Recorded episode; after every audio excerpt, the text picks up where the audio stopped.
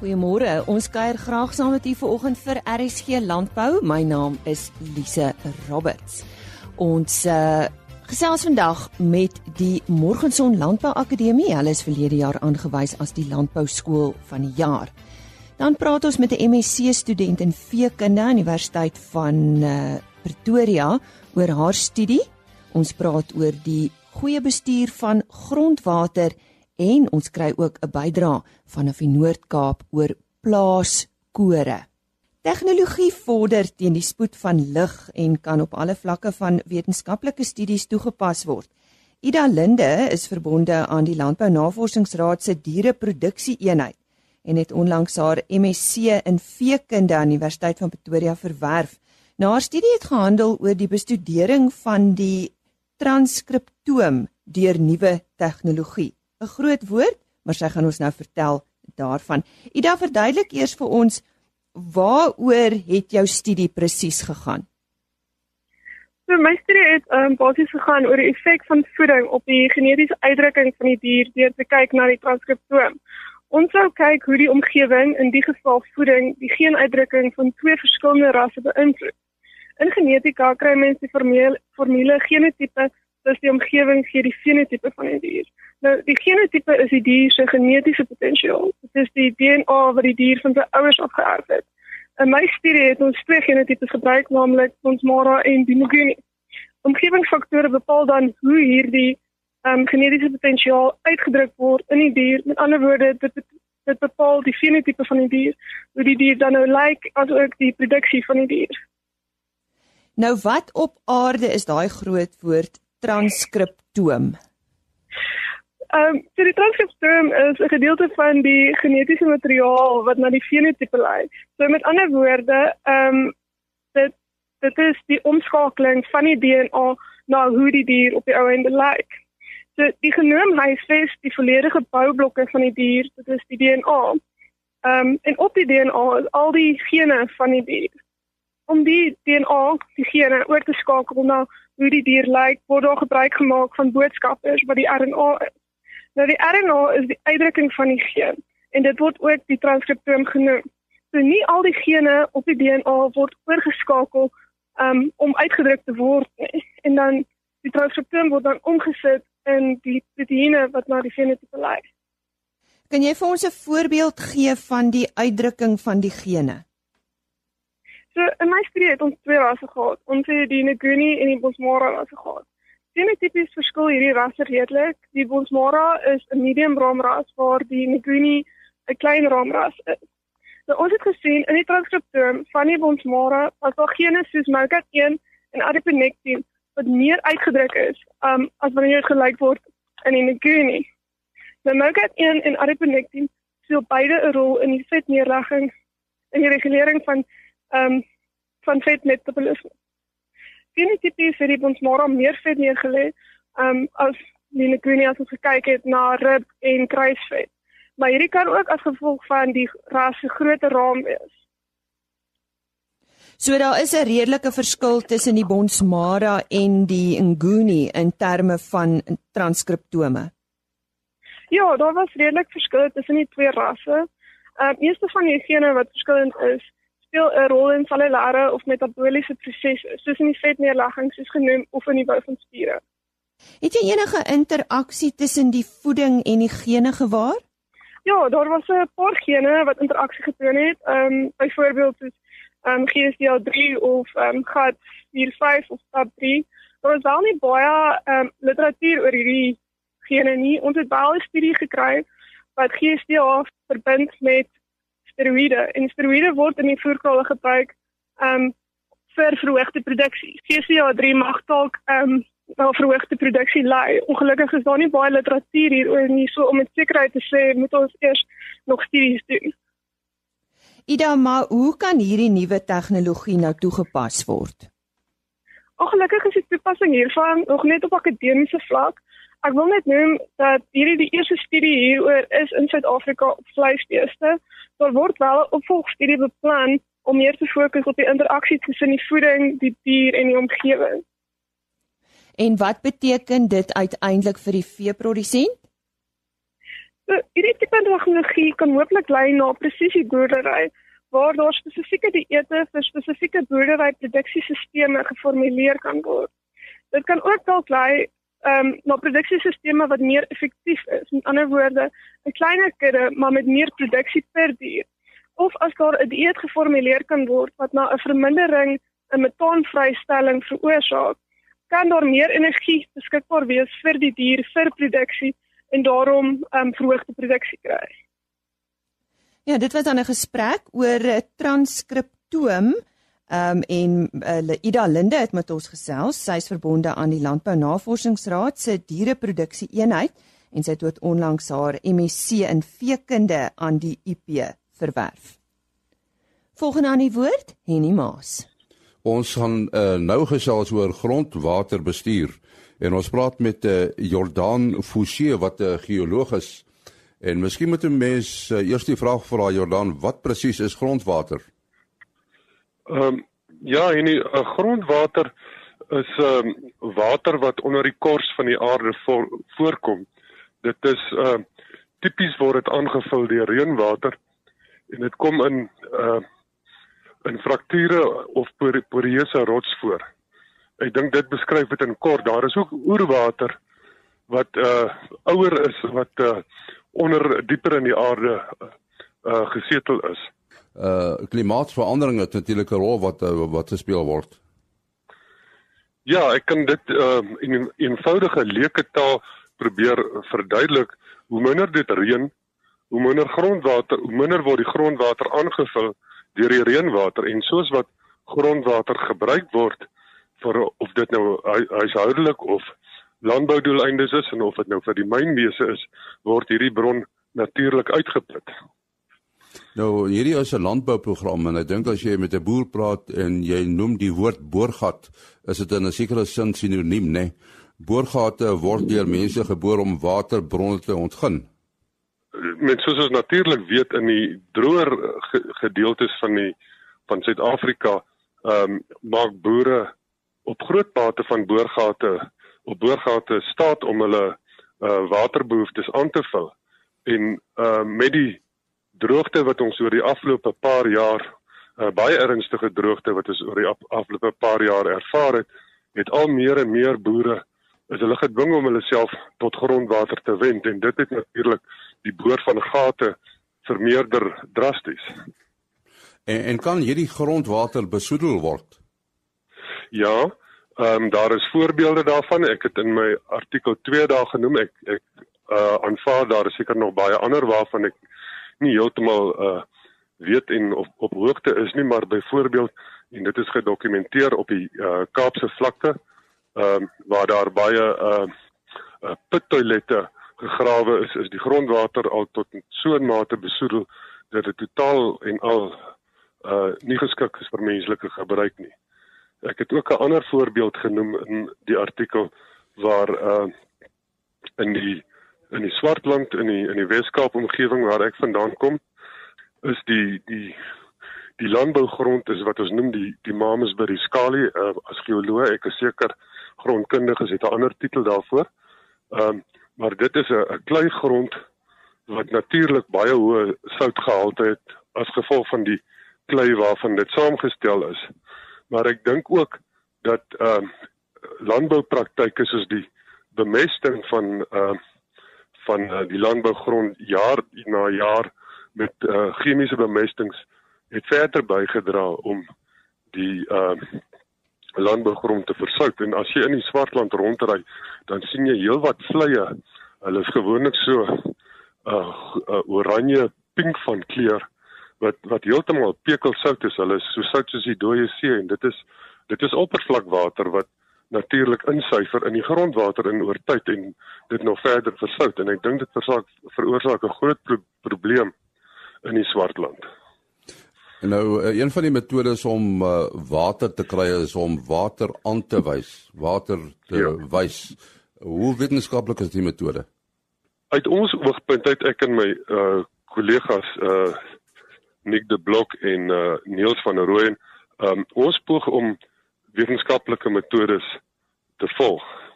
En dit is 'n uh, begin deur 'n program van data-insameling wat dan wat ons dan alle bronne gebruik wat beskikbaar is om vir ons te vertel um hoeveel gate alreeds geboor is, hoe diep is hulle geboor, hoeveel water het die gate gevloei. Ons probeer ook inligting kry oor die rotformasies wat deurgeboor is en hierdie inligting word beskikbaar gemaak gratis uh, deur die departement van water en sanitasie. Um op 'n database wat uh, wat uh, enige iemand die inligting kan kan aftrek. Dan verder kyk ons na uh lugfotos om die geologie te probeer verstaan. Hierdie data word ook gratis beskikbaar gemaak deur die departement van grondhervorming. So daar is da baie data gratis beskikbaar wat ons dan gebruik om 'n studie te doen van al die inligting wat beskikbaar is. Um ons doen uh kontourkaarte van hoeveel byvoorbeeld uh in die omgewing um hoe diep die gate is, um hoeveel uh water die gate wat geboor is alreeds gevloei het.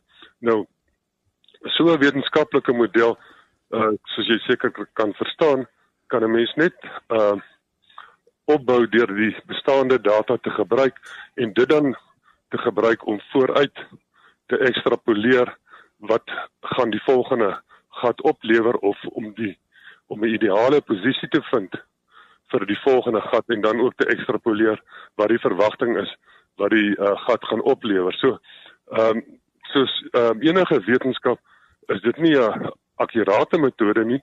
Ek gaan ook nie sê dis 'n uh, uh, onfeilbare metode nie, maar ten minste is al die bestaande data in ag geneem om daardie voorspelling te maak. So wat jy eintlik wil sien is dat mense meer van hierdie wetenskaplike metodes gebruik maak. Dit is waarin ons in glo dat die voorspelling van waar om te boor so goed as moontlik gefundeer is deur uh, bestaande data. Ehm um, ek weet daar is ander metodes van waterwys en uh dit uh, lê vir uh sommige mense emosioneel baie naby aan die hart. Um, ons probeer nie daarbey betrokke raak nie. Ehm uh, uh dit dit is nou maar een van die metodes wat algemeen gebruik word. Ek wil ook ehm um, 'n verdere punt maak is dat ehm um, wat ek agtergekom het toe ek na die data begin kyk en as jy dan na 'n boer se plaas toe gaan om 'n detail studie te doen, dan vind jy gewoonlik dat daar is meer en in sommige gevalle baie meer gate geboor as wat geregistreer is op die database. So, ehm um, dit beteken dan dat dit moeilik word om ehm um, 'n wetenskaplike voorspelling te maak um, as want daar is geen kennis op die database van wat presies het in daardie boorgat gebeur nie, hoe diep is hy geboor, deur watter tipe geologiese formasie het hy gegaan, hoeveel water het hy gevloei. En om hierdie inligting dan te inkorporeer in die uh kom ons noem dit die die bestaande databases wat aan almal bekend is, um raak dan moeilik want uh dit word al hoe moeiliker om 'n voorspelling te maak en ek het tot die gevolgtrekking gekom dat boere uh aangespoor en gemotiveer moet word om gate wat hulle geboor het uh op die database te registreer om hierdie landwyse database database van grondwaterboorgate om dit meer akkuraat te maak. Ja, ons uh, kan nog baie lank uh, praat oor hierdie onderwerp.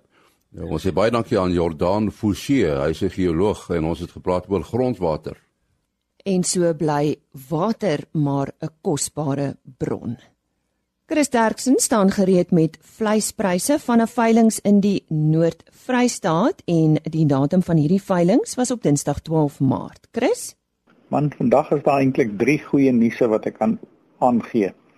Die eerste is dat ons goeie vriend Mof Meyburg weer op die been is na amper 9 maande oor sy slegte brand wat hy in die hospitaal was. Die tweede is dat dit pragtige reën in die Noord-Vrystaat en alles is papnat. Die derde is dat beespryse nie die vreeslike insinking gehad het wat ons baie keer na die 28ste Februarie kry nie. Inteendeel die mark is baie sterk alhoewel hy stabiel is.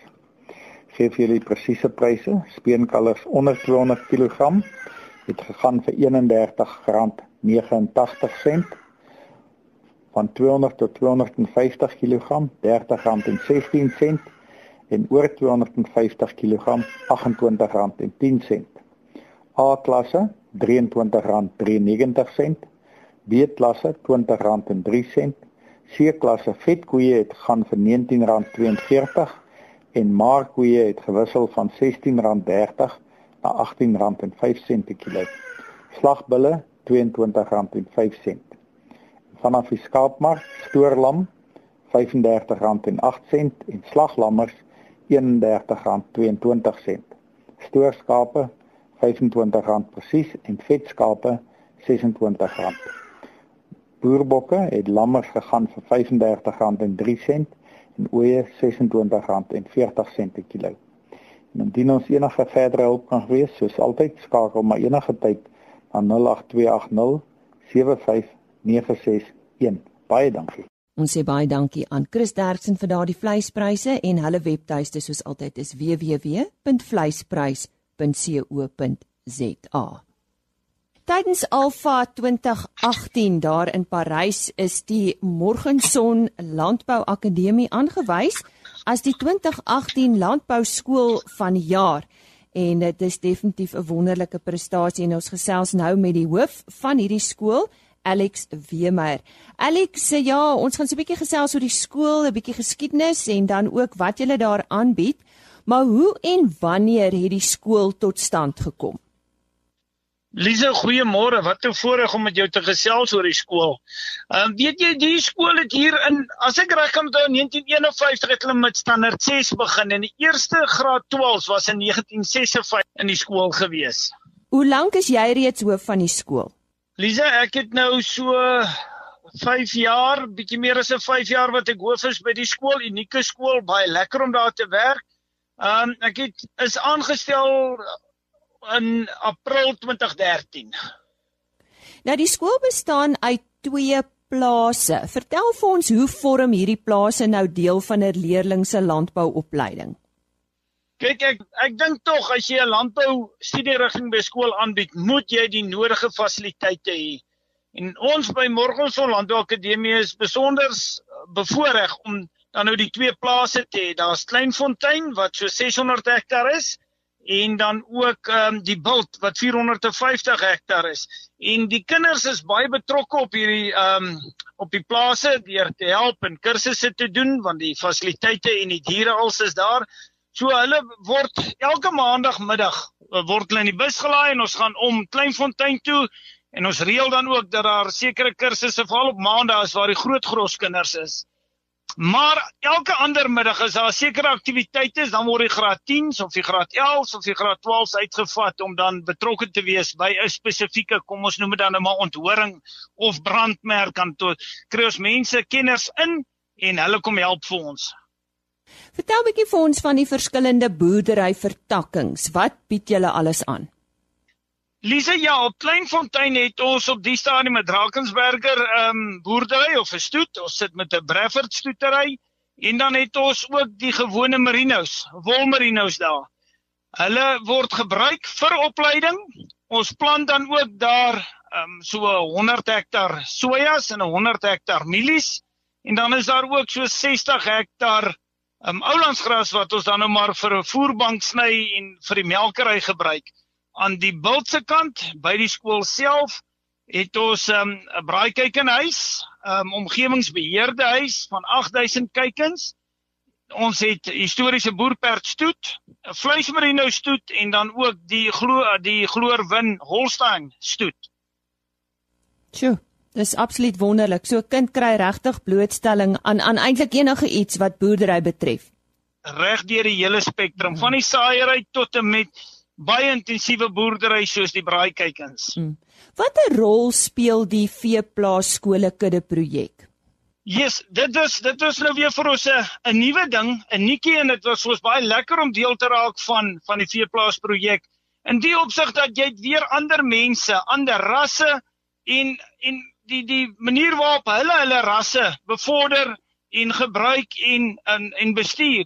Ehm um, maak weer deure oop vir ons kinders deur dat hulle iets nuuts leer. En dit is vir ons regtig waar aangenaam om betrokke te raak by die families van die Breffords en die Hoofveld Vleismerino klub. Nou Alex, net om jy af te sluit, as 'n leerling nou graad 12 by julle voltooi het, beteken dit dat die kind in 'n landbourigting moet gaan studeer of moet gaan boer of is julle akademie sterk genoeg dat ander beroepe ook gevolg kan word? Nee, verseker. Dis nie ons het ehm um, vier studierigtinge by die skool. Ons het die suiwer akademies waar jy soos in die die groot 6 vakke vat, jy wiskunde, wetenskap, lewenswetenskap, Afrikaans, Engels Daar stap jy jy word 'n prokureur, 'n dokter, 'n tandarts, enige akademiese rigting. Dan het ons die landboustudie rigting wat jy dan ook universiteit toe kan gaan waar jy jou landbouwetenskap met jou lewens, jou fisies en jou wiskunde kombineer. Dan het jy die volledige landboustudie rigting wat dan ehm um, kan jy wiskunde vat of wiskundige geletterdheid, dan jy landbouwetenskap, landboutegnologie en uh, landboubestuur. So ons bied al drie landbouvakke aan. Ehm um, daar kan jy universiteit toe gaan, jy kan direk in die uh, arbeidsmag ingaan of na college. Ehm um, enige landbourigting kan jy met met daardie vakke aanpak. Ons het ook 'n tegniese studierigting waar ons dan motor werktuigkunde en elektrisiteit of elektriesienswerk aanbied met IGO en dan het ons ook die rare kombinasie van gasvryheid, toerisme en uh, rekenaarvaardigheid wat die kinders gebruik wat dan nou in gastehuis bestuur of in hotel bestuur of in daardie rigting wil gaan. Nou ja, dit is 'n uiteenlopende skool met uiteenlopende rigtings. Uh Alex, ek seker daar's nou 'n paar ouers of leerdlinge wat nou sê, "O mamma, ek wil nou soontoe gaan." Waar kan uh, luisteraars of leerdlinge meer van julle lees? Net 'n webtuiste asseblief webtuiste is www.hsmorgenson.co.za of hulle kan my enige tyd skakel by 017 7933 058 of 038. Ehm um, direk en dan kan hulle vir ons kom kuier op Morgenson dat ons vir hulle wys wat ons als aanbied vir kinders. Vir die wat nou nie weet nie, waar is Morgen Morgenson geleë?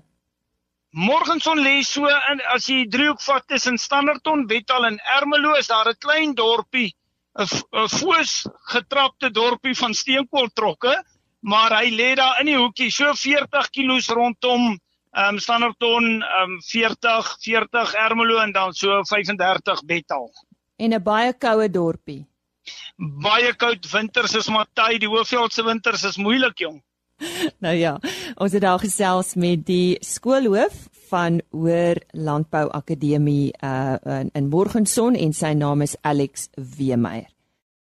Om vandag se program hier af te sluit, hoor ons nou van ons medewerker daar in die Noord-Kaap, Koos de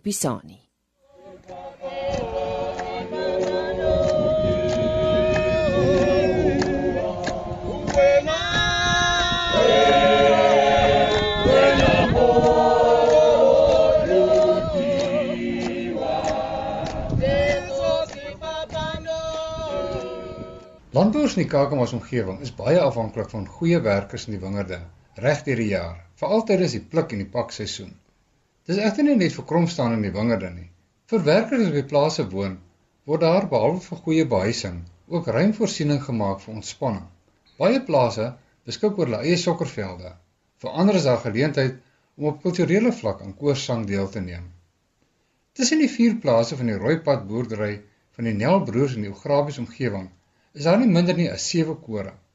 Hier word elke jaar 'n groot sportdag en 'n koorkompetisie aangebied. Die wenner onder die 7 kore kry dan die geleentheid om aan die jaarlikse ATKV Oesafees op Kakamas deel te neem en te kompeteer in die plaaskore kompetisie. Dis hier waar ek die Moteo Watumelo Gospel Choir raak geloop het en met Leslie die koorleier gesels het. Leslie, wat het julle laat besluit om hierdie koor te stig? Ja, die ding wat ons maak laat ons hier begin dit is om laat ons nie rond gaan loop ons wil vir ons besig hou op die uitvaltyd se kant dan laat ons 'n bietjie vir onsself kan weghou van die moeilikheid af. En watse musiek uh, sing julle? Ons sing koormusiek, soos uh, gospel gospel music, dis 'n klap en tap, ons sing met die hand, ons klap ons hand as ons sing. En het julle al aan aan verskeie kompetisies uh, deelgeneem of is dit julle eerste keer wat julle deelneem? Ons was nog in 'n kompetisie nie. Ja, ons kom ek sê ons was in 'n kompetisie, maar dit was op die plaas 'n kompetisie vroeg in Desember maand. Dis nou die eerste kompetisie wat ons uitgaan hier is. Nog 'n koor wat ek raak geloop het, was die mannekoor van Kakamas. Die Living Voices koor van Kakamas bestaan uit net 5 mans, naamlik William Laban, Martin April, Nico Klaaste, Maxwell Ntete en Giel Daniel Heinz. Tydens die Oesafees het hulle sang menige feesganger diep geroer en ek gesels met die koorleier William Laban. William, uh, wat het julle laat besluit om hierdie koor op die been te bring?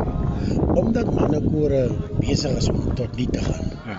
Wel ons probeer in ons omstandighede kyk of ons die mannekore weer kan terugbring in die gemeenskapie want als er gaan ons nou oor oor musiek, hierdie hip-hop en al wat daar om musiek is en ek meen die jeug gaan verlore niemand daar is nie meer attractive vir soos manne koor nie. Dit wat ek op uh vir my geoor oor, oorweeg het om Living Voices te kom join om hulle te sing manne koor. Wat se tipe uh, musiek uh, doen julle by die koor? Dood normale manne koor sang met gitaarbegeleiding. En en wie doen die gitaarbegeleiding? Ek myself. Kom na my met al jou pyn. Dit is so mooi lukken sien na hoef nie te vrees hoef niks te twyfel en dit was aan Koos de Pisani wat vir ons daardie bydrae gestuur het oor plaaskore in die Noord-Kaap. Fluit fluit ons storie is uit vir hierdie week. Onthou maandagooggend net so skuins na 05:30 weer by ons aan te sluit. Ons vertrou dat die naweek vooruitsigte net goed is. Tot maandag dan van my Lise Roberts. Totsiens. RSG Landbou is 'n produksie van Plaas Media. Produksieregisseur Henny Maas. Aanbieding Lise Roberts. En inhoudskoördineerder Jolandi Root.